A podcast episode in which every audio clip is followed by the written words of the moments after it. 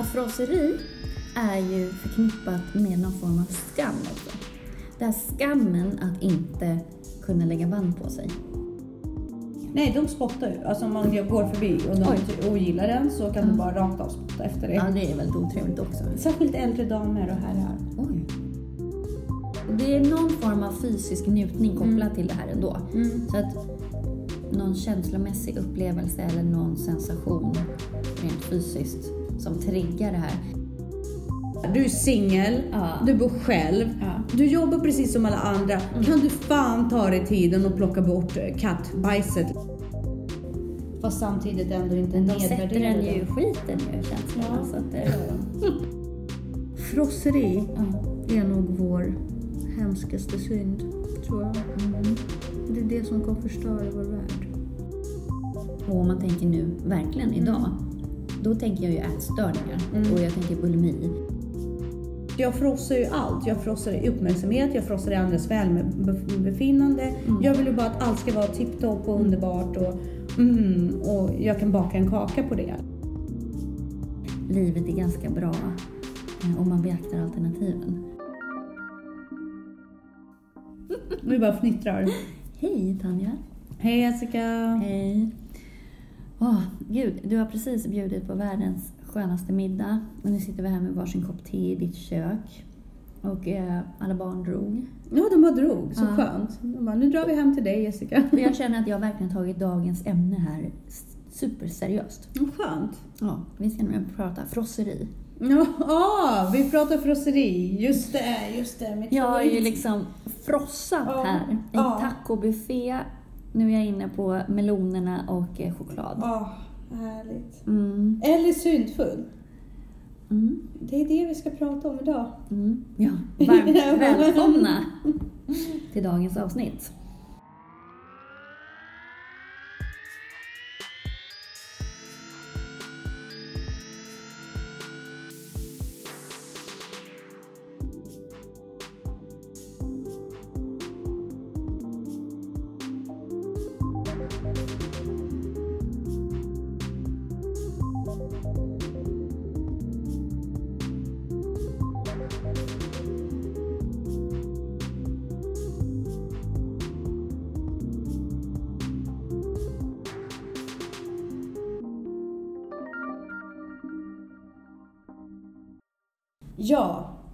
Sätta igång? Ja, men alltså frosseri, herregud. Jag ser frosseri väldigt mycket som en avart, eller vad man ska säga. Heter det avart? Det När det är liksom en, en förgrening av, Av förgrening, Ja. om det, vad, vad en, tänker du vid en det? avpuppa liksom. Av, Av girighet. ja. Det tror jag. För frosseri är väl någon form av girighet, att man vill ha mer än vad man egentligen behöver. Jag tror att eh, definitionen på frosseri eh, är ju att överkonsumera något till den punkt att den då som frossar, det är för mycket så att vissa delar går till spillo. Att man bara äter så här mycket så att och så bara Nidbilden av någon som frossar är att den trycker i sig, det vill säga korvätartävling typ, och Mm. hälften trillar ut på sidan. och så här. Precis. Eh, och just, men frosseriet kanske är riktat speciellt till mat, men jag tror att det kan vara riktat till eh, eh, bilar, skor. Konsumtion Ja, överlag precis. tror jag Mm. är ganska aktuellt i vårt samhälle. Och det här hamstringsbehovet, Mm. det är ju någon form av frosseri. Mm. Och så frossar i saker, frossar. Alltså det är, det är ju girighet. Mm. Ja, absolut. Och att man liksom inte kan lägga band på sig själv. Ja, och att man tycker att det är så himla viktigt att ha och ha och ha. Mm. Jag vet inte. Rent historiskt, om man förknippar frosseri med någonting, Mm. eh, så tänker jag... eh, man brukar prata om Egypten som Mm. en ganska... Egypt, den, egyptiska eran liksom, som sträcker sig över några tusen år där. Innan och efter Jesus. Ja. Eh, Gud, apropå det där med, förlåt nu avbryter ja, det är jag ingen fara. här med efter Jesus, alltså det är så roligt. Eh, man hade väl kommit fram till att man har räknat fel. Jaha, nej det har inte jag Jesus hört. är egentligen född två år tidigare. Oj. Så att, hur blir det då så här? Jesus är född två år före Kristus. Jo men det har jag hört, jag skojar bara. Det har, ja. Det här Ja. har ju Fredrik Lindström raljerat över. Ska man döpa de här till då år 0, eller år 1, år 1b år ett se? Eller ska man bara göra ett vakuum på två år? Vakuum. Ingen, får, ingen får födas då eller dö eller något sånt. Det får inte hända någonting viktigt Eller så tycker jag att vi går in ordentligt i det här och faktiskt skriver om alla böcker, Mm, alla historier och liksom redigerar två år bakåt. Mm. Eller så bara struntar vi i det. Ja. Förlåt, det var mitt inlägg där om Kristus. Återgå till ämnet. Det var faktiskt väldigt roligt. Jag uppskattar det. Det är helt okej att du avbröt mig. Jo, men där hade man eh, easy going life brukar man säga i Egypten. Att de, var, de, de bodde ganska sunt och liksom, de var väldigt rika.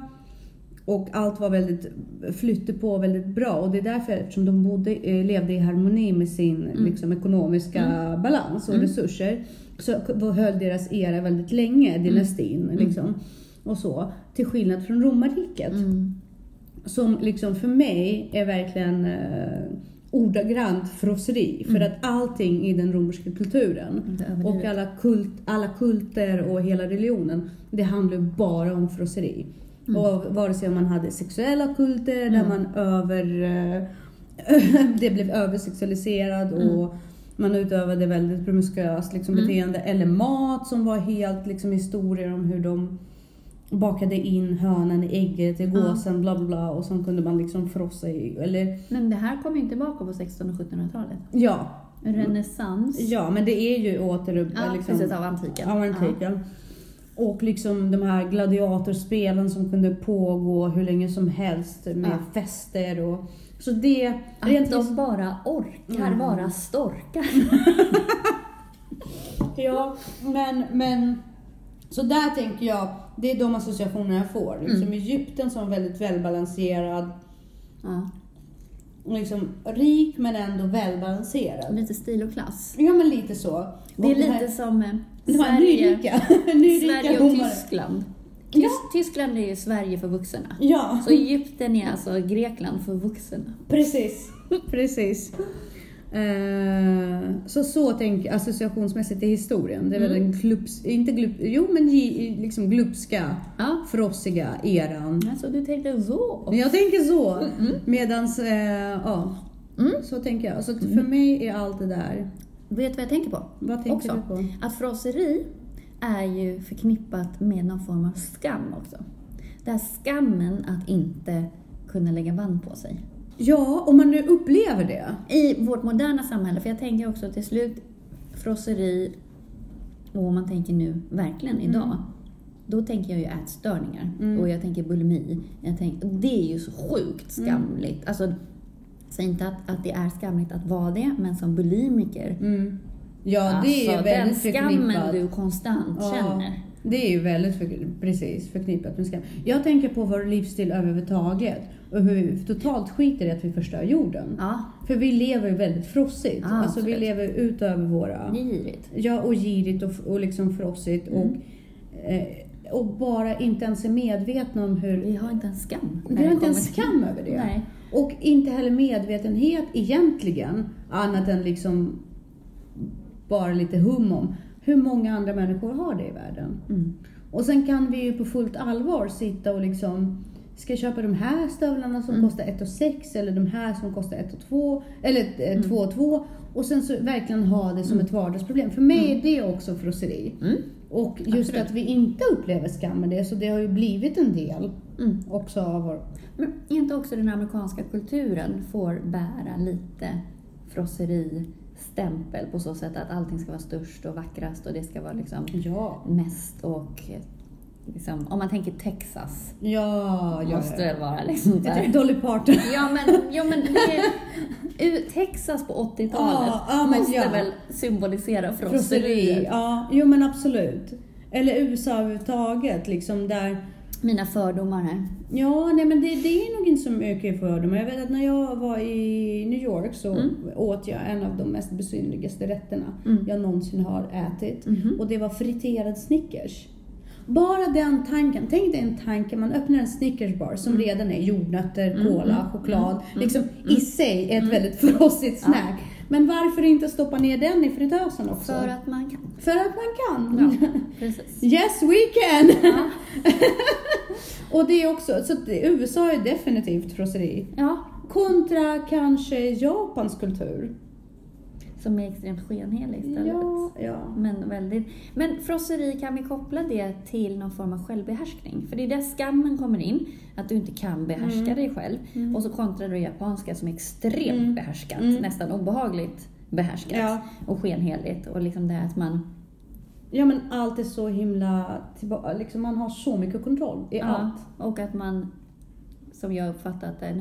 En kusin som har bott i Japan, eh, det här att, så, att man tycker så illa om västerlänningarna, Mm. fast man ler väldigt snällt mot dem. Mm. Men, men bara står och pratar rakt ut skit. Mm. Och förstår du ju japanska som västerlänning så Mm, kan då kan du faktiskt höra en del. lätt... Ja. Ja men det, det upplevde jag nästan när jag var i Kina också. De var ju, Mm. Men där var de ju där var de i alla fall väldigt otrevliga och rakt på. Men det är ju bättre. Det är bättre, det är Eller- ärligare. Samtidigt i och för sig, vi brukar ju proklamera att man måste kunna bete sig. Men då, ska man, då kan man bara vara tyst. Ja. Behöver inte säga någonting. Nej, de spottar ju. Alltså om man går förbi och de ogillar den så kan Ja. du bara rakt av spotta efter det. Ja, det är väldigt otrevligt också. Särskilt äldre damer och herrar. Oj. Men där visar man så mycket respekt för de äldre så de får uttrycka precis vad de vill och jag måste respektera dem för de är äldre per Ja. definition. Det är lite, kul. Jag Ja. var väldigt chockad Ja, som västerlänning det att komma i jag. kontakt med den kulturen. Gud, det Ja, jag men nu svävade vi ut. Så ja, frosseri. Ja, men det- man kan ju vara frosseri, frossare Mm. för till exempel sex eller krig, makt, Mm, alltså att makt. du går igång, Mm. skräckfilmer, alltså Mm. det här... Mm, liksom. Ehm, och, ja, att man liksom, det, det är någon form av fysisk njutning kopplat Mm. till det här ändå. Mm. Så att någon känslomässig upplevelse eller någon sensation rent fysiskt som triggar det här. Och det blir ju som ett beroende eller missbruk också, som girigheten är också Det ett är, missbruk. ja, det är ju missbruk, så är det ju. Jag kan säga, om man pratar egna matvanor till exempel. Ja. Det finns ju människor som jag anser är väldigt, eh, behärskar sig själva Mm. väldigt bra. De kan ju kanske ta någon liten konfekt med kaffet liksom, Mm. och, och varje dag, Mm. lagom mängder. Mm. Jag kan ju spara mig själv i tre veckor, Mm. men sen begrava mig själv i Mm. berg av godsaker Mm. och frossa. Mm. Ja, Så det, jag, jag, tror, jag tror att jag är väldigt benägen till det här med frosseri. ja, men jag är också så här beroende hjärna. Där har man ju olika, hjärnor är olika känsliga. Dels för dopamintriggers och Ja. sådär. Och det här med mat kan ju sätta igång dopaminer, socker och sådär. Så att det blir ju... Jag kan ju komma på mig själv att jag har hetsätningsbeteenden, eller vad man ska säga. Även om det är bara att jag sitter och äter eh, morötter. Mm. Men just det här beteendet när jag börjar småäta och inte slutar. Det är en Nej. form av hetsätning. När man också. inte har det nog, nu är Ja. det nog, när Ja. den inte existerar. Nej, liksom. precis. Utan jag kan så här trycka hur många morötter som Mm. helst. Jag, jag känner ju att jag inte är hungrig. Mm. Men suget Mm. är så... Och det är ju någon form av hetsätning, även om det inte är det här frosseri. Mm. Men just det här tänker jag med, med ätstörningar. Att det här, först är det det här obehärskade, att Mm. man inte klarar av att hålla. Och då så får man ju, känner man ju skam över det, att man är så Mm. okontrollerad. Mm. Det väcker ju någon form av liksom, avsky Mm. som ska kompenseras. Mm. Och sen är du inne i en loop. Mm. Men hur, vad har du för relation till... Har du haft någon form av ätstörningar eller något sånt? Nej, jag har ju alltid varit överviktig. Så att jag har aldrig haft en bra kosthållning. Jag har alltid ätit för mycket. Ja. Och jag tycker att det är gott. Mm. Så att jag har aldrig kunnat behärska mig Mm. förrän kanske nu på senare Nej. vad gäller mat. Mat är ju min stora svagpunkt. För Mm. på något sätt så sätter det igång dopaminer så himla Mm. mycket. Mm. Så att eh, ja, jag har ju överätit. Men kände du skam då? Väldigt många gånger, ja. Särskilt när man går på diet. Mm. Då är den jättestark. Kompenserar du? Uh, Alltså att du tänker antingen att man så går ut och tränar eller att man Aldrig. imorgon ska jag inte äta någonting. Eh, Jag Eller- försöker men det slutar ju i mer, Mm. som du säger, man går in i en loop. Därför att då håller man sig. Mm. Och sen så ska man försöka vara jätteduktig men Mm. egentligen är man ju inte den personen. Och man ska ju bygga den personen med lite Mm. små steg. Precis. Men det, du vet, det är liksom, det, frosseri kan ju också vara när man är en konstnärlig person. Mm. Mm. Det har ju också väldigt mycket med det att göra. Alltså, om, Frossa i känslor. ja men för oss är känsla överhuvudtaget att man liksom inte har här lagom Nej. självkontrollen, Nej. självbehärskningen. Mm. Och jag tror att jag tror att frosseri ligger så inbäddad i min personlighet Mm. att jag bara ser vissa människor som bättre än mig själv per definition för att de har självbehärskning. För att jag saknar det väldigt ofta. Men, för det är ingen naturlig... Fast det där är ju jätteintressant. För att du har ju gett uttryck för att du upplever mig som en väldigt behärskad människa. Ja, definitivt. Mm. Skenet bedrar eller? Nej men absolut. Ja. Väldigt disciplinerad. Mm, och det måste ju jag vara för Mm. att jag är så odisciplinerad. Jo. Men du låter dig själv också vara det. Jag är fortfarande såhär, ah ja. men jag vill ju komma dit. För mig är det ren överlevnad. Mm. Att ha en hög standard. Mm. Annars så rasar jag igenom helt. Mm. Sen så misslyckas jag och där egentligen skulle man ju verkligen... Jag försöker bädda sängen på morgonen. Liksom, att sätta, att bara börja... Ja, Mm. försöker plocka undan diskbänken och så. här. Men jag Mm. har inte den tiden egentligen. Nej. Att vara sådär nitisk och stå Mm. och torka diskbänken hela tiden.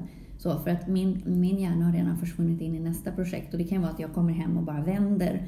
Mm. Och då släpper jag Mm. saker i hallen. Mm. Och så vänder jag. Och sen så blir det så. Sen har halva veckan gått. Mm. Och då börjar det ju samla på sig. Sen Ja. blir jag så här, då måste jag ju städa och liksom. Men om jag skulle ta mig den tiden att ha den höga standard som jag vill. Mm. Jag vet inte var jag ska ta den tiden ifrån. Och Nej. det blir en konflikt i mig. Ja, men det är en annan sak. Du tar ändå de vuxna besluten och du säger så här. I min prioritetslista Mm. så ligger träningen jättehögt. Mm. Eller ja, att vara mamma först kanske. träningen där på. Men någonting. Men jag vet inte hur man nu prioriterar. Jag vill inte blotta mig eller dig alldeles för mycket. Men, men man bygger upp hur det ser ut. Jag tror liksom. att jag prioriterar nog träning högst först. och Så, för att jag är en värdelös mamma om jag Om du inte tränar. Ja. Ja. Och sen så liksom, sen beroende på hur din överlevnadsrutin ser ut Mm. så, så kommer den här med Det är inte så att du är en slafsig person. Åh, tack! Nej men det vet jag ju att du inte är för jag vet jag, jag har ju sett slafsiga personer. När du har möjlighet och tid så plockar du undan. Tack! Vet du hur glad jag blir? Ja men jag För jag är ser... så van från mina nära och kära att få höra att jag är så slarvig, jag är så stökig, jag är så... Det tror jag absolut. Alltså, jag vet inte hur sta- alltså, jag, jag är en väldigt renlig person i teorin. Jag tycker om när det är väldigt Vem rent. gör inte det? Nej men exakt. Ja, men det är det jag säger. Alla, Alltså jag det är älskar ingen- när det är Eller hur? Ja, det bästa jag vet. älskar när det är liksom... Lite eh, kladd på lite- bänken. Ja, och fingeravtryck på fönstret. Ja. Nej men det, det är klart. Nej men liksom jag ser ju Däremot, det. jag är duktig på att stänga ner då. Ja. Alltså så här, nu hinner inte jag städa, då bara Ja. tills jag... Jag tänker inte gå runt och må dåligt över Nej. att jag är så. Men aldrig en fri värld att jag skulle ha det så om jag... Om du, men det är klart, det, det gör man ju inte. Och jag tycker ändå att det är väldigt starkt av dig. För det finns ju de personer som verkligen blir helt freaks. Nej men det är inte värt det, det går inte. Nej, jag men- tänker inte må där- dåligt för de prioriteringarna jag Ja, faktiskt gör. och där tänker jag att du är en väldigt mogen person. Det är, där, det är dit jag vill komma. Att du faktiskt inser, ja, jag vill ha det rent och fint, men det är okej Mm. för den standarden som jag vill uppnå i andra saker. Istället för liksom vara den som bara liksom, har diskmedel och rengöringsmedel i händerna och går runt på tre på natten och bara be- bekräftar för alla andra. Jo, men då, då bekräftar man ju liksom, jag har ett rent hus. Jag är en bra person. Så att jag tycker att du är väldigt frisk och mogen på det sättet. För jag känner folk som är åt andra hållet. Alltså, jag menar, jag är uppväxt i en familj Ja. där varje lördag morgon började med familjebråk mellan mina föräldrar liksom, om städningen. Ja. Det var, det var så mina helger började. Ja. För att städningen var så pass viktig, för vi var inte en fin nog familj om vi inte hade det rent hemma. Nej. Så såg det ut i min mammas huvud. Ja. För att hon hade liksom inte kontroll på alla andra saker i sitt liv. Jag skäms ju sjukt om någon kommer hem till mig och det är stökigt. Jag tycker det är skitjobbigt. Eh, Det gör jag med. mm. Men jag Men, får ju ändå stå för att jag har ju uppenbarligen inte städat så att liksom... och sen så har jag märkt så här, om man utesluter människor Ja. som man skäms inför. Ja. För det är bara vissa människor man skäms inför. Det är inte alla, erkänn Jo, jag skulle, jag ska inte släppa in någon. Eller jag skulle, det är jobbigt. Jo. Oavsett vem det är, att släppa in Är det så? Ja, det För jag har ju jag har en ganska stark distinktion. Sen så kan det vara jobbigare. Mm. Alltså det är inte lika jobbigt att min mamma kommer hem till mig eller min pappa och det är stökigt. Mm. Men det är jobbigt. Ja, Ändå. ja, alltså, Det är det ju absolut. Nej, jag har, jag har en ganska... Det finns de som jag tycker är verkligen jobbigt att komma hem till mig när det är slafsigt. Det är mina bekanta. Mm. Men det blir ju fel att du prioriterar bort, liksom, det var dit du kanske var på väg. Man prioriterar bort socialt umgänge för att man antingen tycker att det är för stökigt för att bjuda hem folk eller att man faktiskt lägger ner så mycket tid på att man prioriterar bort saker för att man ska städa hela tiden. Ja, men det är därför jag säger att ett, vi Mm. har prioriterat vår ekonomi och vi har en städerska. För att jag orkar inte ens lägga ner tiden på Mm. Nej. det. För jag vet att det är en ganska stor faktor för min man. Mm. Jag kommer aldrig Mm. orka Nej. ha det så pass rent som vi vill ha det egentligen. Nej. Så vi har prioriterat och Mm. vi har tagit in städerska liksom, Mm. för det var konstant återkommande ämne. Och då, sa, Ja. då sa jag det liksom, om det är så jävla viktigt Mm. då måste vi kunna lösa det problemet på Mm. ett annat sätt än att hela livet ska gå att städa. Och där är också så här, jag kan inte ta, ta åt mig av Nej. den här renheten. Eller det är inte mitt, min förtjänst, det är bara att jag har lagt en del av Ja. min ekonomi för att lösa Precis. det. Liksom så. Och där kan jag bli lite irriterad när folk kommenterar eller liksom uttalar sig som typ så här, ja men jag tycker att det är så himla viktigt att ha rent och så här, ja men absolut det tycker ju alla. Mm. Och med lite så nedlåtande. Samtidigt som man bara, men du har både barnflicka Mm. och städerska, hur svårt är det då? För dig att hålla Alltså, det. här, jag har inte barnflicka Nej. och städerska. Nej. Eh, Nej, nej, nej. Och det är ju fruktansvärt. Alltså folk som har råd Mm. att ha det rent. För det är faktiskt en... Det är en Jo men fråga att man då ser ner på folk Ja, som, som in- inte. Alltså, Ja, men precis. Däremot så kan jag säga att jag har några singelkompisar som har det absolut vidrigt hemma. ja. Äh, Nej, men då pratar vi liksom eh, hunden skiter hemma. Fy! Ja, ja, alltså lortigt. Alltså vi pratar lort. äckligt? Ja. Jag som typ så här, vill typ inte gå hem när det ligger saker framme. Och, Ja men, ja men precis. Alltså, som, och bara liksom kan ändå ägna en hel kväll åt- att supa och så bara Mm. skita i att städa dagen Ja, efter. Fy. Då pratar vi liksom Ja. Ja, men det- ohälsosamt. Jag brukar ändå säga när man har haft fest och jag måste plocka undan och sådär. Sen så kan jag må dåligt när jag går upp för min skrotnisses garageuppfart. liksom.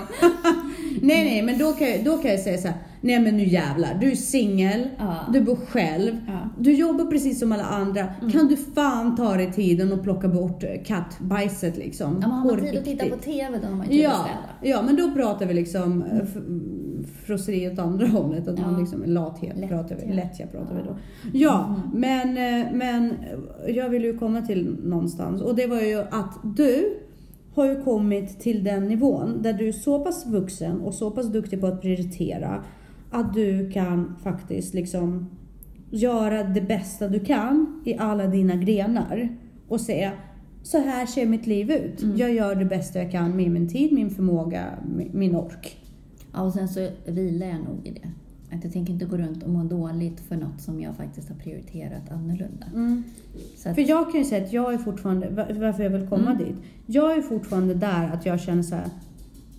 Nej, jag vill sminka mig istället. mm, Och då är inte jag en stolt person. För att jag vet egentligen på en vuxenlista mm. så är det inte så högt prioriterat. Fast det kan man inte värdera. Alltså man måste ju få göra det man... Å andra sidan, jag kommer inte fungera alls om jag inte sminkar mig. Så att jag liksom Nej men precis. på något sätt prioriterar man på har det sättet. olika överlevnads... Ja, Så för, man för, för min smink och mitt Ja. utseende är lite som din träning. Ja. Det, det är liksom det är ankaren Ja. till vardagen. Så att jag ankrar mig i det och sen om jag inte får göra det Mm. då funkar inte något annat för då finns inte humöret och då Nej, finns, nej, kan man då, fråga. funkar- då är man ju jobbig att hänga med och sådär. Mm. Så det Så. optimerar ju inte dig. Nej, men jag måste kunna i mitt huvud börja Mm. omvärdera min tid och varför det är så. Ja. Det är väl dit jag vill komma och det är bättre att jag lägger den tiden på att faktiskt träna, Ja. äta nyttigt, Ja. laga mat och finna mig i det. Acceptera att jag ser ut på ett visst sätt liksom, Mm. och säga men jag är en vuxen människa, jag måste göra det här för att Mm. det ger faktiskt mer avkastning i slutet av livet. Mm. Eller för mina barn, Mm. eller för min familj och så vidare. Mm. Så där känner jag definitivt att du är en person som behärskar frosseri. Alltså jag, ja, jag har nog ganska bra självdisciplin. Mm, det tror jag. Har jag. Mm. Men jag är ju inte alltid så disciplinerad. Alltså jag faller ju för... Och det får man ju göra. jo, men jag tror att anledningen till varför jag dras till det och tycker att du är en förebild för mig i alla fall, det är ju självdisciplinen. Det är ju för det, det är dit jag alltid vill komma. Därför att så som jag är uppväxt och jag ser väldigt mycket integritet i självdisciplin. Ja, jo men det är det. Alltså, någonstans för att kunna vara disciplinerad så måste du ju veta hur du fungerar och vad du tänker och vad du vill. Mm. Sen så kan jag bli väldigt distraherad av mina känslor. Mm. Det är det som gör att min disciplin falnar. Ja. Men det är för att jag är en sån känslig människa. Jo, men sen så du har verktyg för att komma tillbaka Mm. och du är tillbaka på självdisciplin. Jag kan ju Så mig- rationalisera mina känslor ganska väl. Det är också en väldigt eh, fantastisk egenskap liksom, för att jag tror inte att alla kan det. Jag tror att det krävs lite att man är så pass styrd av sina känslor för att kunna rationalisera dem. Mm. Fast samtidigt ändå inte Men de sätter nedvärdera en ju dem. skiten ju, känslorna. Ja, så att det det, gör de. Ofta gör de. Ja, I alla fall för det och mig har, verkar det som att det, de gör det. Så att jag ser ju mig själv som en frossare överlag. Om man pratar livet liksom. Mm. Så, så, är jag, så är min personlig, personlighet ganska förankrad till just frosseri tror jag. Inte lättja, nej. inte lust. Utan frosseri är nog min, min synd tror jag. Mm. Det är den jag försöker, det är därför jag också alltid attraheras och fascineras av människor som har självdisciplin. Mm. För att på något sätt, Det är tryggt med Det sådana människor. tryggt. För det jag dras ju också till sådana som är ja, lite uppstyrda. Och, uppstyr, ja. alltså, ja, jag går ju om liksom på folk som är disciplinerade och får så här mycket saker gjort. Mm. Och, ja. Och liksom, det spelar ingen roll om det är Jag krig ute eller snö eller vad som helst. Nej, de bara... Ja, ja, jag kommer göra mitt liksom. Ja. Det är sån dedikation. ja och jag tror att Det är väldigt attraktivt. väldigt attraktiv och kontrasten till frosseri. Mm. Och jag, tror, jag tycker att det är vackert när människor kan tygla det. Mm. Ja, men jag är ju lite 1800-tals människa också. Mm. ja, så där tror jag att om man ska prata eh, frosseri ur personliga egenskaper, då tror Mm. jag att eh, eh, självkontroll mm. och självdisciplin är väldigt attraktivt. Mm. För att det visar ju på att du klarar av att stå emot. Precis. Däremot om vi går tillbaka till den här fördomen, jag tror Mm. att vi snackade om det, om att eh, överviktiga människor oftast eh, inte får samma respekt Mm. på jobbintervjuer Mm. och liksom Mm. andra sociala sammanhang. För att man bara antar per definition att de är slafsiga och frossiga och liksom ja, allt de det här. Inte, att de inte har någon självdisciplin. Ja.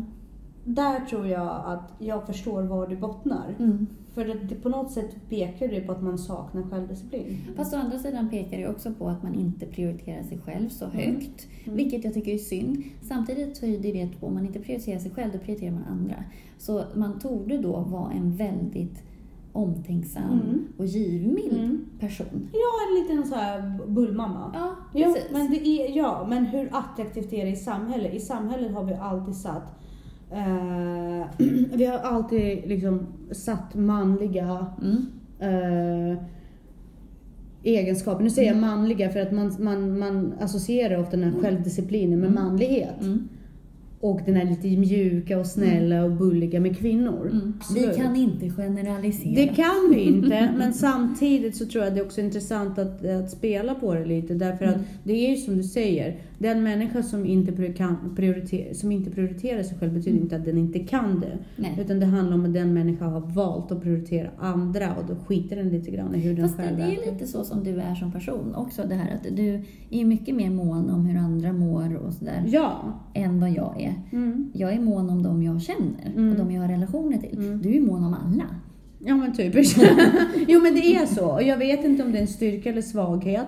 Men vi pratade lite grann om det innan. För mig är det så himla viktigt Mm. att alla trivs i ett rum. Mm.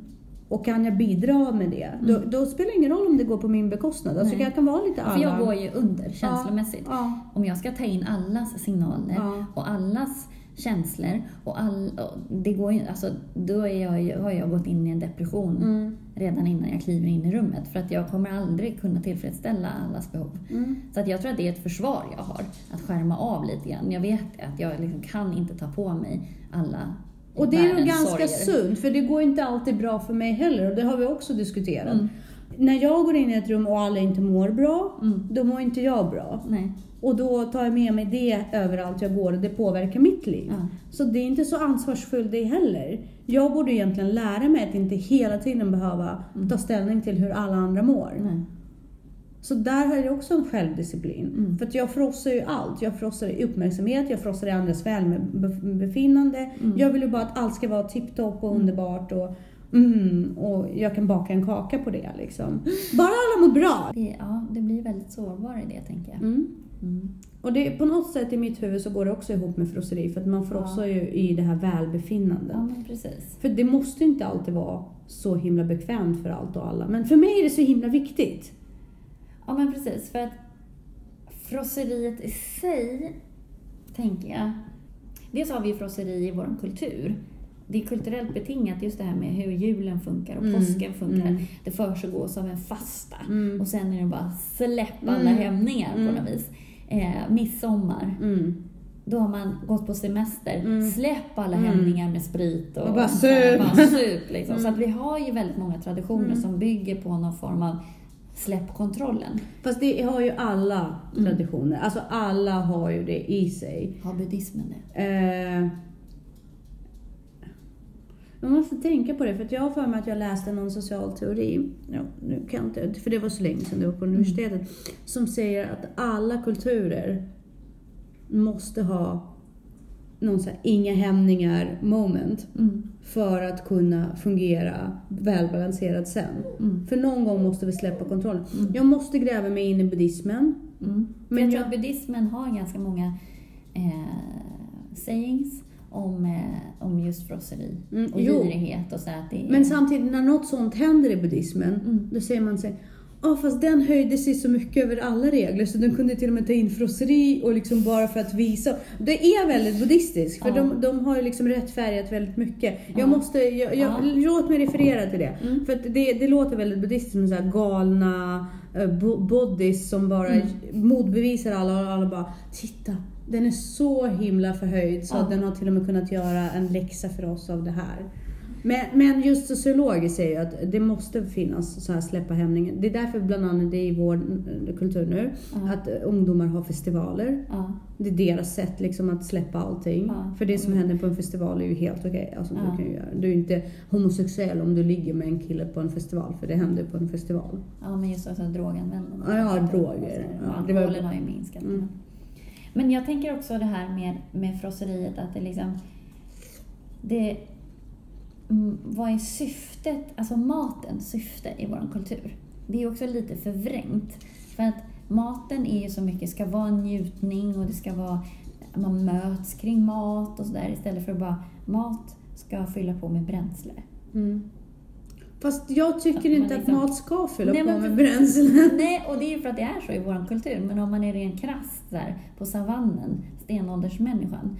Alltså vi är så högt uppe på Maslows Ja. behovstrappa så att vi kan ju... Och då, då har vi applicerat njutningen på något som vi har överflöd utav. Eller som vi inte har haft överflöd Nej men precis, utav. och då blir det, men vi har ju det nu. Mm. Och då blir det ju, frosseriet blir ju ofrånkomligt på något sätt tänker jag.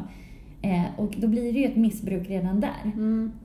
Och att det till och med Ja. är ett sätt för oss också att stressa av. Mm. Tugga är ju lugnande. Mm. Så att när vi är stressade så vill vi äta. Och är vi jättestressade så kanske man trillar in i någon form av Mm. frosseri rent matmässigt. Och socker fungerar som amfetamin. Ja, men precis. I, så att Ja. egentligen är ju det en drog. Precis. Och det här att man gömmer sig nästan, alltså det här med tröstätandet Mm. till exempel. Att man gömmer sina känslor bakom frosseriet, att man på något sätt är ovärdig. Och sen så äter man det i alla fall. Och Ja, men sen så är det med alla synder. De är, Ja. de är ju till för att ta, ta udden ifrån, alltså ta fokus ifrån de riktiga problemen. Ja, känslorna. Ja. Ja. Och hur du borde vara som Ja. person. Man överkompenserar någonting med alla de här synderna egentligen. Det är ju det som är grejen. Det är distraktion från eh, hur du bör vara. Mm. Det är det som hela tiden eh, Mm. frestar dig, Mm. eh, utmanar dig, inte ger dig den här kontrollen och kontroll, liksom, som du borde ha för att vara den disciplinerade människan. Mm. Det är ju väldigt katolskt.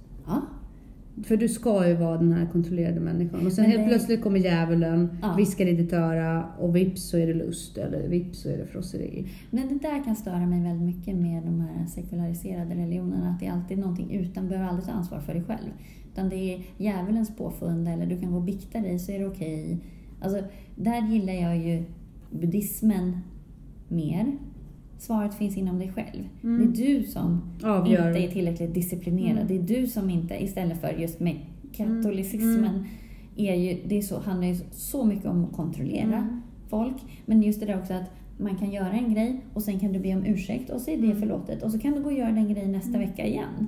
Du kan jämföra det lite grann med eh, konceptuella matställen Mm. kontra väldigt gourmetiga restauranger. Mm. Mm. I en gourmetrestaurang måste du faktiskt känna till maten, veta Mm. vad du gillar. Mm. Eh, Men det är ju lite så. Ja. Man måste vara lite expert Mm. det man får serverad.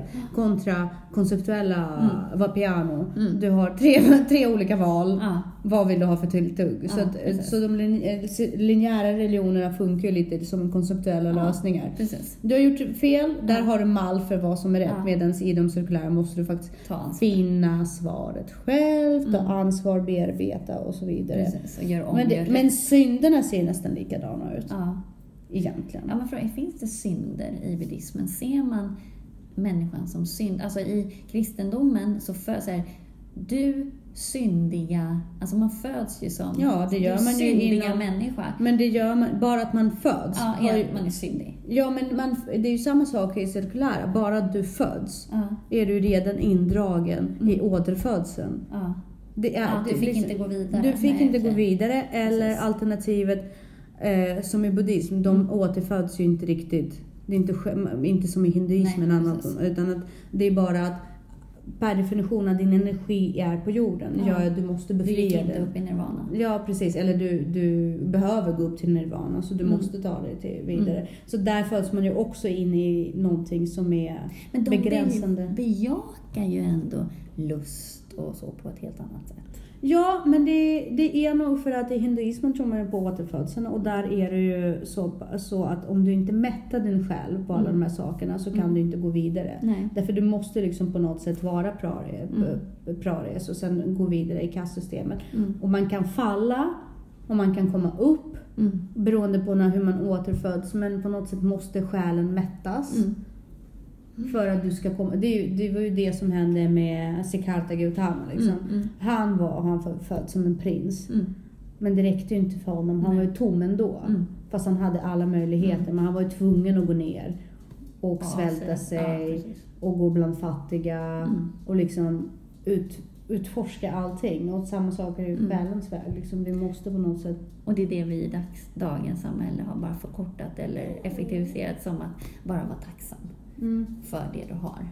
Var Mm. tacksam varje dag för den, den alltså, behöver inte så- avsäga dig förmånerna men bara vara sjukt jävla tacksam för dem. Men det är så svårt att vara tacksam när man inte egentligen vet varför man är tacksam. Jo, men jag kan känna så här. Det kan alltid vara värre. Jag vet att jag hade, nu har jag inte gjort det på jättelänge, det är ju helt stört egentligen. Men jag kände mig så här, att jag inte riktigt förstod, jag inte var tacksam eller jag förstod, jag var ändå så missnöjd på något vis. Att jag satte mig utanför Astrid Lindgren, eller barn... Sjuk, den Unifa. avdel, den, Ja, den avdelningen där, ja. där riktigt sjuka Mm. barn är. Man behöver ju sitta där typ 10 minuter, Mm. sen är man jävligt tacksam. Mm. Faktiskt. Jo, men så är det.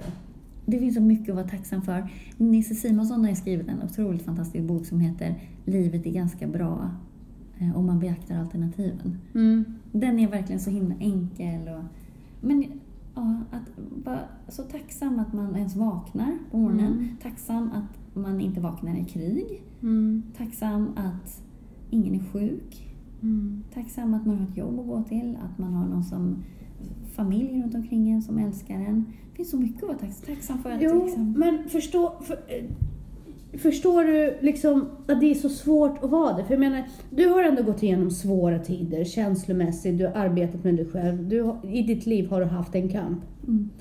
Eh, Eller det var en läxa. Jo, men du har ändå haft en kamp i ditt liv. Eh, för kampen gör väldigt mycket. Mm. När du har kämpat igenom det någonting så kan du se värdet av Ja, det man blir ödmjukare inför Man livet. För man vet alternativen. livet. Ja, precis. Och framförallt, du har byggt upp, du har strävat, du, har, du vet hur det kunde ha gått för Mm. dig. Samma sak för mig som har flyttat från ett annat land Mm. och också haft ganska jobbig uppväxt med massa Mm. liksom, känslomässig men även ekonomiskt status, Mm. mycket saker. Och nu har man kommit hit och jag känner ändå att åh, jag, jag mår så bra, tack så mycket livet. Mm. Liksom. på ett sätt. Men sen så har vi min dotter till exempel. Mm. Som är född på Lidingö. Mm. Med, skö, med sköna föräldrar. Mm. Hon får allting. Alltså jag menar bara det faktum att hon får någon liten... Hon får ju gå på Donken när hon vill. För Mm. mig var det så här äh, Mm. högtidligt. För vi har råd och hon är vårt barn och vi vill Mm. skämma bort henne. Så att liksom... Var är hennes kamp? Jag är en sån här evil mamma. Jag tvingar ju på mina barn kamp. Ja, vi, jag, tving, jag Så försöker ju tvinga på min dotter kamp också. Men det är fortfarande, eftersom vi har byggt upp den livsstilen, vi har städerska som kommer och städar. Mm. Vi tvingar ju henne att städa i alla fall, men du vet, det, det är inte så äkta. Nej. Det var inte som när jag vaknade av att mina föräldrar bråkade Nej. en lördag morgon. Det var liksom Ja. inte, det var liksom på liv och död att börja städa Mm. För henne är det så här, men är det okej om jag städar lite senare? Mm. Ja, ja, okej, vi kan åka långborden nu och så kan du liksom göra det senare. Det, det är liksom inte äkta kamp för henne. Nej, nej men det är det inte. Och att tvinga henne att springa 150 meter, det är inte heller äkta kamp. Nej. Det, det, det är väldigt artificiellt. Mm. Och när man lever i de goda villkoren så är det Mm. väldigt svårt Mm. att vara tacksam. För man vet inte vad man är tacksam för. Alltså man har inte sett något annat. Men, men man ser ju andra saker runt omkring sig hela tiden. Sen så tycker jag att det finns ju folk väldigt nära en också som råkar ut för alla världens olyckor på något vis. Att, och då kan man ju känna tacksamhet. Att, Fast man- du, nej alltså ändå. Mm. Jag tror att du är en människa som är i omgänge med människor där du dra, inte dras till sådana människor som råkar ut för saker, men du vet att du är så involverad att det, kom, det blir så nära dig. Mm. Det är inte alla som är det. Nej. Det är ju så många människor som löser sina problem genom att skärma av de som skiljer sig och bara ah, Mm. det funkar inte så bra för deras familj. Vi bara liksom Mm. stänger den dörren, bjuder Mm. inte med dem på nästa middag. Liksom.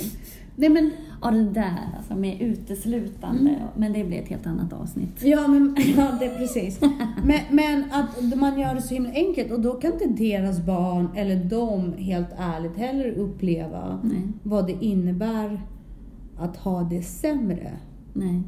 Och då kan man inte heller njuta av det man har på samma sätt. Nej, precis. Men jag vet att jag kom, kom på det när jag var yngre. Jag ville så himla gärna ha, vad det nu var, ett par jeans. Och sen så jag liksom verkligen drömde om de här jeansen. Mm. Och, alltså när jag var liten, alltså typ så här tio år. Och så hade jag fått jobba ihop till de här jeansen och det var verkligen så här, alltså så, de var ju så upphöjda. Mm. Och när jag väl fick dem så bara, men det här var ju ingenting. Liksom, det kändes det inte mer. Och det var första gången som jag kom fram till det här, just det här, det är så lätt att avstå när Mm. man har det. Mm. Men man vill så gärna Mm. innan. Liksom. Mm. Just det här skillnaden mellan att ha ett val Mm. inte. Mm. Det är alltid lättare att tacka nej än att önska att man hade. Mm. Eh, och just det där, den där besvikelsen så här, var det inte mer än så här? Mm. Som jag dåligt jag har mått för att jag inte kunde ha, för liksom hade de här jeansen och sen har jag kämpat för att få dem och sen var det inte mer. Jag hade en liknande historia med jeans när jag gick i åttan, när Filippa K jeans var Ja. inne. Mm. Och 800 spänn kostade Mm. de, jag Mm. minns det som idag. Ja. Och vi hade verkligen inte råd med det. Nej. Så på min födelsedag fick jag ju de där jeansen. Mm. Och jag, det, det var inte att jag fick dem, jag hade tjatat till Ja, med ja. dem. Alltså det var ju verkligen så att mina Ja. föräldrar var ju inte glada när jag fick det paketet Nej. kan jag ju säga. Eh, ja men ungefär så, håll käften nu, här är dina jävla jeans, ska vi få lite lugn och ro. Ja. Nej men lite så. Mm. Och sen så går de sönder efter tre månader. Mm. Och, och den här känslan i mig att jag kommer aldrig Nej. Få de här jeansen igen. Men var du tacksam när du fick dem? Och gud ja! Precis. Jag var väldigt tacksam och jag var överlycklig. Men förlusten av dem, Mm. så det, det var ju det värsta, bland det värsta som jag har varit med om. Ja. För de här jeansen som kostade 800 spänn, Ja. de skulle i mitt huvud, så är det bästa investeringen. De borde ha hållit minst tills jag blev 25. Liksom. Ja, men där har man ju också fokus på fel saker. Ja. Just det där att man lägger sin lycka i, det är lite som Ja. vi var inne på det här med, med avund och även med girighet, att man lägger, fokuserar liksom lycka på materiella saker Mm. istället för att, ja, vad handlar det egentligen om? Men jag tror att vi lever i ett frossigt samhälle. Mm. Och för att inse att vi frossar Mm. Så måste vi faktiskt fasta. Precis. Nej men på, på riktigt, vet, många människor i vårt samhälle idag. Men det kan också Så öka frosseriet ju. Det slår över. Fast jag vet inte. Jag tror att det är som att bli av med sockerberoende. Det krävs så jävla lite sen för att må bra. Men jag tror inte att de, de flesta av oss är så förblindade av att vi frossar. Vi ser inte det. Vi ser inte, det, det är som lite vår lilla second hand på jobbet som Ja. vi har, där vi alla byter kläder och säljer kläder till varandra. Liksom. Det är ju folk som hänger ut saker med lappar på. Mm. Mm. Jag också. Och då tänker man så här, vad fan köper vi det för? Mm, Om vi precis. ändå liksom har haft det hängande i garderoben Ja. hur länge som helst. Använder det inte. Men vi hade ju ändå köpt det. Ja, men är inte det det här behovet av att det finns en tillfredsställelse i själva köpet? Ja. Vissa har ju det, shopping, Ja. Shoppingfrossen. att man får dopamin Guilty. det. liksom. Ja, absolut. Mm. Och jag menar när jag, när jag går in för en riktig shoppingrunda. Mm. Då tänker inte jag på min ekonomi. Jag tänker inte på hållbarheten. Nej. Jag tänker på de här sakerna täpper till hål. Mm. Ja, för det måste, frosseri handlar ju Ja. också om det känslomässiga hål Ja. på något vis. Men jag tänker på det där då med fasta, Mm. alltså som motsats då. Har du testat någon form av sådär intermittent fasta eller korttidsfasta? Att man liksom eh, har ätfönster. Mm, ja, jo, alltså hela mitt liv handlar om ätfönster. Det har det gjort sen. Alltså, allt handlar om att kontrollera intag. Mm. Hela tiden gör det det. Mm. Men det, det är också att man måste balansera ut det. Jag får inte vara hungrig. Nej. Om jag är hungrig och Mm. jag släpps till matskålen, Ja. då känns det som att det inte finns någon kraft som kan stoppa Nej. mig.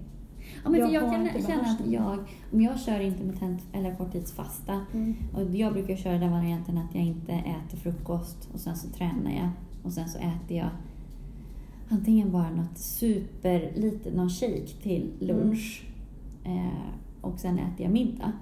Eh, men när jag har gjort det några dagar, Mm. då lägger sig hela liksom, min relation till mat blir helt icke-känslomässig.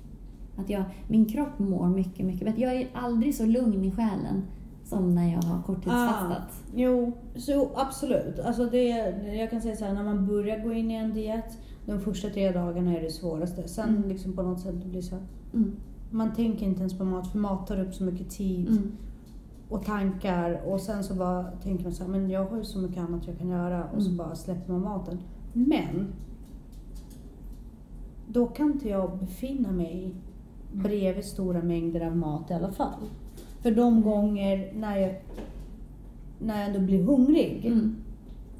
det är ju som att vara som att jag, ja, som en hund. Alltså jag har ingen koll på mig själv. Ja, men där är det mer så här, för så kan jag också vara, men när jag har passerat den hungern, då blir jag nästan så här att då stör jag, och då har, man ju, då har jag ju gått för långt. Alltså då Mm. har jag kommit in i min, liksom, där lite anorektiska Mm.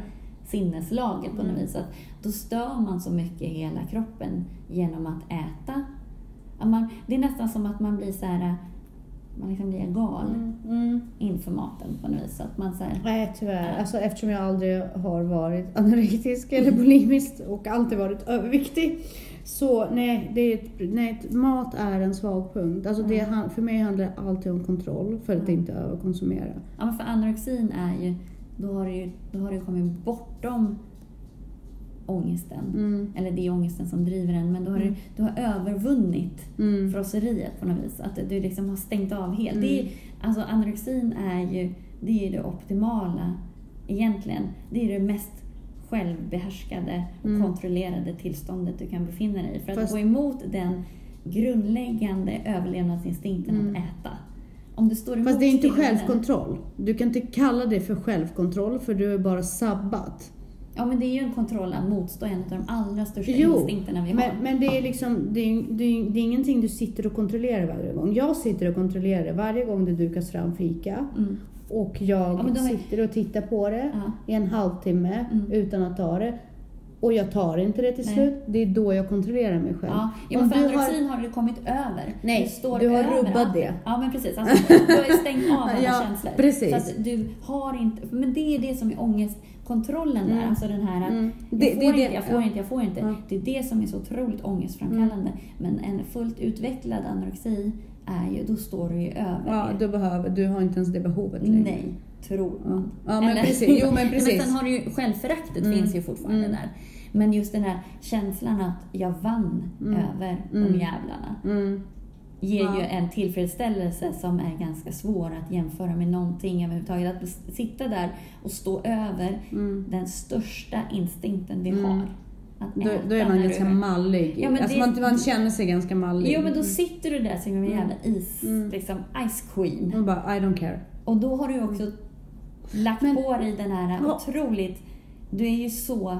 Du har ju så mycket hybris. Eller du Ja. är så över... Mm. Tror att du är Ja, men så undrar, över alla. men då undrar jag så här. Är Ö, helt men rinner det över till andra känslor också? Ja men då tror jag att du är en övermänniska då. Ja, alltså, men, Alltså men, men, bokstavligt. ja, men eh, handlar det bara i, i, i relation till maten? Eller är det Nej, lika? nej. Du utvecklar ju en psyk... Alltså nu kan jag bara prata ur egen erfarenhet. Ja, jo, men jag, bara- jag, jag undrar. Du utvecklar ju, eller jag gjorde i alla fall, alltså, rikt, alltså man är ju psykiskt sjuk. Mm. För du har ju så mycket vanföreställningar. Mm. Jag trodde att jag var... Jag hade knäckt livets gåtor Mm. på något vis. Mm. Jag var helt övertygad också om att alla kompenserar. Mm. Jag förstod inte hur Mm. man kunde stoppa saker i munnen Mm. och inte kompensera. Mm. Sen hur de gjorde det struntade jag i. Mm. Men i min värld fanns det inte att man kunde bara äta Mm. och sen Mm, it, liksom. ja. och just också att jag tyckte att jag var så jäkla... Alltså jag såg mig själv på en piedestal. ja. Ja, men som Men- en övermänniska. Ja, men handlar det också om dina känslor? Kunde det vara liksom kall, Ja, känslomässigt? ja. Därför du är så himla Ja. mycket över. Det Ja, handlar inte bara om maten. Nej, utan nej, det är nej, är- överhuvudtaget. Du går ut på gatan och du är bara en övermänniska per definition. Sen så självklart kunde jag ju ha fortfarande det här självföraktet och Ja, ja. dålig självförtroende i vissa situationer. Mm. Men, men, Men hypen var så hög. otrolig liksom. Spännande. Ja, ganska på ett sätt mäktigt tillstånd, Mm. även om du är ju i en psykos. Mm. Alltså, Ja. Du är ju psykiskt sjuk. Ja, det är en vanföreställning, Ja, absolut. precis. Men det är spännande för jag har aldrig, jag har aldrig hört en sån beskrivning av det. Ja, vad roligt.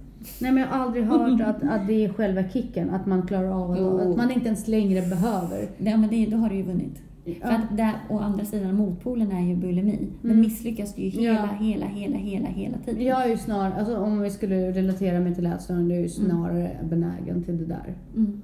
Jag har aldrig gått till kräkningar. Nej. Men jag, det är ju där jag är. Jag, är Mm. liksom, jag avstår, jag avstår, Ja. jag avstår som Fast frosse. det är ju att kunna Mm. avstå, att inte ens Mm. behöva kompensera. Jag har ju varit i båda spektrarna. Mm.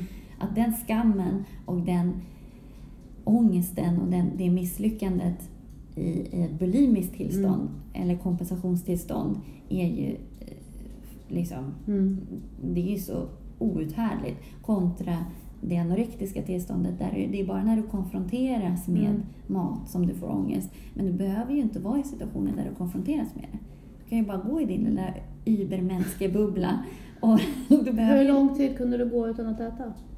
Jag utvecklade, till sist utvecklade jag otroligt starka rutiner där jag tillåt mig själv att äta vissa saker. Och då var det, åt jag...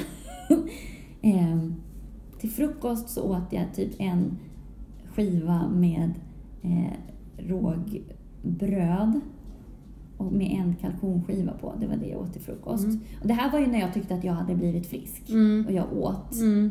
Liksom då när då jag hade hade du börjat eh, kontrollera. Ja, ja men det var ju, och det var ju då också jag blev, då blev jag ju som smalast också Mm. när jag hittade, när jag, när jag trodde att jag Mm. var, inte hade någon ätstörning längre, Mm. för jag åt ju Mm. faktiskt. Då åt jag det här. Sen till lunch åt jag sallad, alltså ren isbergssallad Mm. med tomater. Mm.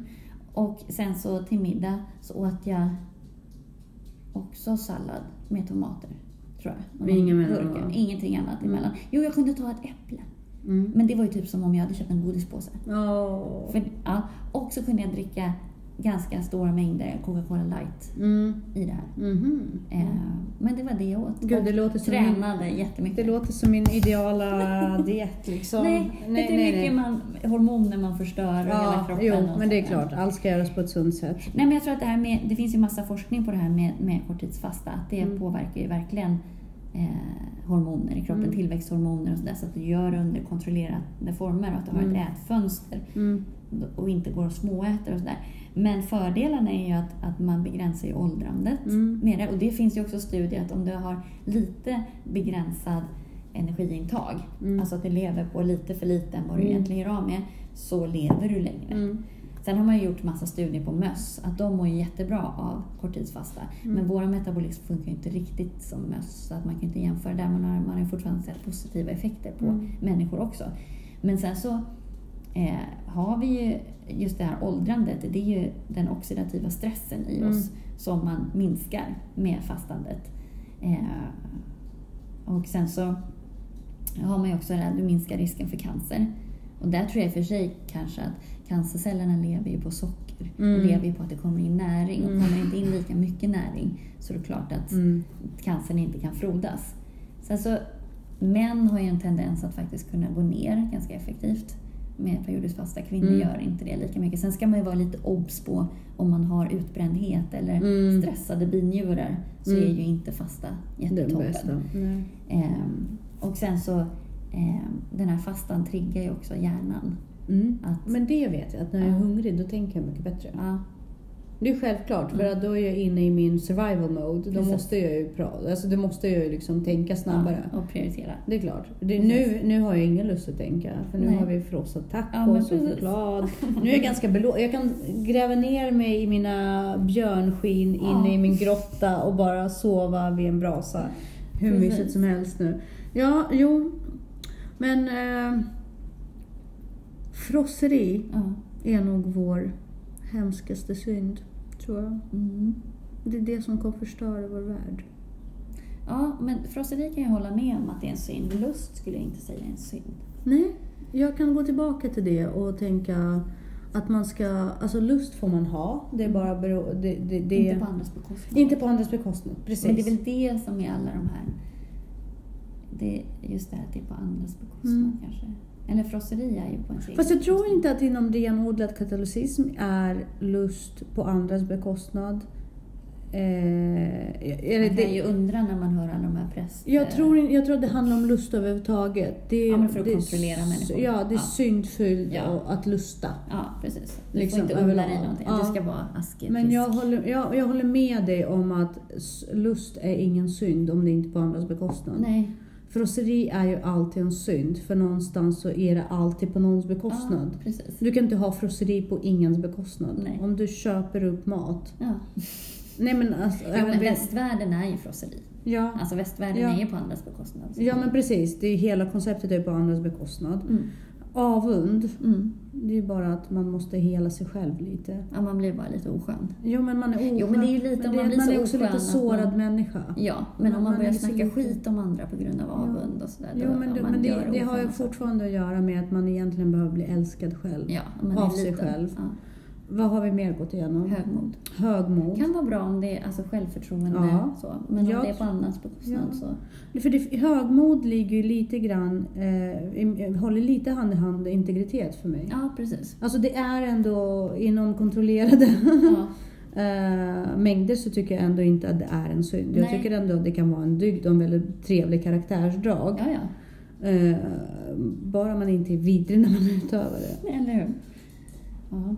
Eh, stolthet har vi, nej girighet har vi haft. Mm. Girighet förstår jag bara inte. Alltså den, den, den, den finns inte i min värld. Ja, men jag kan förstå den, alltså, men det handlar ju också om den här sociala bekräftelsen. Eh, så att, Jag är väldigt svår, alltså, som sagt jag är den människan som älskar att ge bort saker mer än Mm. att få dem själv. Så för Mm. mig finns den bara inte liksom, men om man är sparsam, men just girighet är ju på andras Snål. Ja. är en annan sak. ja, precis. Men är snål och girig samma sak tycker du? Men För snål... Snål handlar ju om att spara på sina Mm. resurser. Girighet handlar ju om att tillskansa sig. Mm, ja. Ja men som sagt jag har aldrig, på nå- eller, i så fall är jag så naiv att jag inte har på något sätt sett det hos andra människor, Nej. girighet på samma sätt. Nej. Men girighet har jag aldrig kommit i kontakt med. Snålhet ja, definitivt. Girighet nej. Jo, med girighet har jag Mm, träffat på. Nej, det har nog inte jag. Nej. Men jag tror att mycket vill ha mer.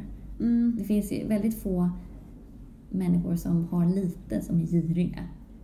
Ja, alltså, det nej, är oftast tror- folk ja. som har väldigt mycket som är giriga. Och det, då blir det ännu mer ologiskt i mitt huvud och då blir det så här, jag vet inte var den finns. Jag, kan bara, jag har inte ett verktyg nog för att Nej. detektera det liksom. Jag bara, hoho, lyckligt ovetande. Vi har vrede, vrede och lättja kvar. Vrede Intressant. är väldigt intressant. Så att det får vi gräva ner oss i nästa Ja. gång. Vrede, ja, Mm. intressant. Mm. Väldigt, väldigt intressant. Läskigt också. Ja, väldigt obehagligt. Mm. Jag kan säga att jag kan uppleva väldigt mycket vrede. Ja. Och har kunnat uppleva väldigt Vrede är väldigt okontrollerat. Ja. Och det går också hand i hand med frosseri. För att Ja. vrede är känslomässig frosseri. Ja. Därför att du släpper verkligen. Och att du tycker att du är som... Du är, alltså det, vrede växer ju av någon form av känsla av att du är missunnad. Eller att du är orättvist behandlad. Ja. Men jag tror inte att den alltid... Alltså jag tror inte att den... den Sen kan man i och för sig få vrede på andras, alltså man upplever att någon annan är orättvist behandlad. Eller så man blir så riktigt, det kan jag bli när folk är elaka mot barn eller djur. Då Ja. kan jag känna vrede. Alltså jag, jag blir Ja, liksom, men då, är det, då har du ett syfte. Men Ja. jag tror att eh, ibland när, man, när jag snappar Mm. och jag bara upplever vrede. Ja. Jag tror inte att så, det föran- förankrade någonting. Jag är bara arg. Bara för att jag är arg. ja, jag blir väldigt, jag blir, nog, jag blir aldrig arg bara för att bli arg. Jag blir arg för att någon är dum mot någon annan. Mm. Men du- jag blir aldrig arg för min egen... Men du, du blir ledsen. ja, jag blir arg. Ja. Eh, jag tror inte att jag... Ja, för att jag vågar inte erkänna till mig själv att jag är ledsen. Nej. För du känner inåt, Mm. jag känner utåt. Jag kan Mm. inte vara ledsen utåt på samma sätt. Nej. Då är jag arg. Ja, men oftast också tjejer blir ju så arga som jag börjar gråta. Mm. Ja, jag, att, ja. ja. Eller slåss. Oj då. Ja. Ja, det inte, när inte, liten. inte nu när jag är äldre. Nej, liten. Nej, men, men det är ju så. Alltså banka i ett bord till exempel. Men jag, jag kan Kasta saker är tjejer bra kasta på. saker. Är Ja. jag bra på. Nej, nej, för mig är det så okontrollerat. Så att jag skulle, det väcker sån skam hos mig Ja. efteråt. Ja, det att det det är så outhärdligt. Så att, Ja, ja. men det är därför jag, jag, tror att, jag, jag tror att det här med självkontroll och självdisciplin är så Mm. himla attraktivt för mig. För att all, jag är liksom, om jag spretar, då spretar jag så himla mycket. Ja. Så oavsett om det är frosseri, Ja. eller vrede, eller lust, Mm. så, så liksom allting bara urartar. Så för Mm. mig är det här självdisciplinen som du har lärt dig och eh, Men det är för att det är så, så skamfyllt att inte ha det. Det är så skamfyllt att tappa kontrollen. Mm. Jo, men eftersom jag har nollställt mig själv Ja. och tycker att allt över noll är Ja. bra, att jag överhuvudtaget går upp ur sängen, så Mm. känner jag så här, du är duktig idag Tanja. Ja, men verkligen. Jo men alltså så, så känn, det är liksom Ja. där jag lägger ribban vid vissa tillfällen i mitt liv. Mm. Så tror jag så här, okej du är skamsen, Mm. men du är uppe. Jag kommer ju aldrig över noll. Alltså, för jag är alltid så här, ja men det var väl det som förväntades av mig. Alltså, Jo, ja. så levde jag tills jag verkligen Mm. blev knäckt och för att överleva då Ja, noll- nollställde jag mig själv. Ja. Går det upp på morgonen plus ett poäng. Ja. Det är liksom där jag, Sunt. ja, det är där jag sätter ribban. Och jag tror att det är det som är väldigt mycket i min överlevnadsinstinkt. Mm. Jag lägger ribban så lågt för mig själv. Mm. Men det är ju också så. ju. Nej, för det är det ju inte. För det gör ju att jag aldrig liksom på något sätt... Så länge du bäddar sängen är det bra. Ja, fast det gör jag inte. Börja med det. Börja med att bädda sängen. Men det är så onödigt. Man Nej, går och lägger nej, sig nej, på nej. kvällen ändå. Nej, men då har du ändå så här 1-0 redan från början. Nej, att gå upp. Ja. Det- Och bädda sängen. Då har du 2-0. Ja. Nej, men... ja, Redan innan den har gått utanför Ja. dörren. Det är sant. Mm. Men du, vrede nästa gång. Vrede nästa gång. Absolut. Tusen tack, supermysigt att vara här. Jättekul att du kom. Tyvärr säger så här, vi får inte göra de här middagarna till en vana på tisdagar för det går inte ihop med min träningsschema eller mina matrutiner. Nej, men vi måste absolut börja äta mer middagar. Ja, Nu verkligen. när hösten kommer också, så himla skön för då måste man ha inte dåligt samvete när man inte är ute Nej, längre. precis. Och Ja, sen men mycket så, brasor och te. Ja, och så, och så är det så här, man ger sig själv cred för att man har varit social. Mm. Nej, det är toppen. Det blir jättebra. Bra. Tack för idag. Tack själv. Hörs nästa lördag. Det gör vi.